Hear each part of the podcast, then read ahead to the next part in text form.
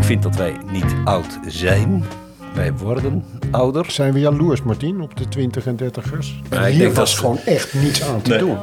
In de podcast When I'm 64 bespreken oude schoolvrienden Martien Dupri en Martijn Brebaert met wisselende gasten de leuke en minder leuke kanten van het leven rond je zestigste. Hey, ik ga even een hele prozaïsche opmerking maken, want de batterijen zijn namelijk bijna leeg van dit Ja, nou dat, eh, apparaatje. dat was toen ook wel eens zo, hè? Gesprekken die grappig of serieus kunnen zijn, Ik vind dat we vooral heel veel afscheid nemen naarmate we ouder hoopvol of verdrietig, maar steeds onderhoudend en informatief. Maar er valt gewoon ook veel te lachen op begraafplaatsen. De quote van Coot komt van Coot van Doesburg. Marijn Iwema schrijft een brief aan haar vader.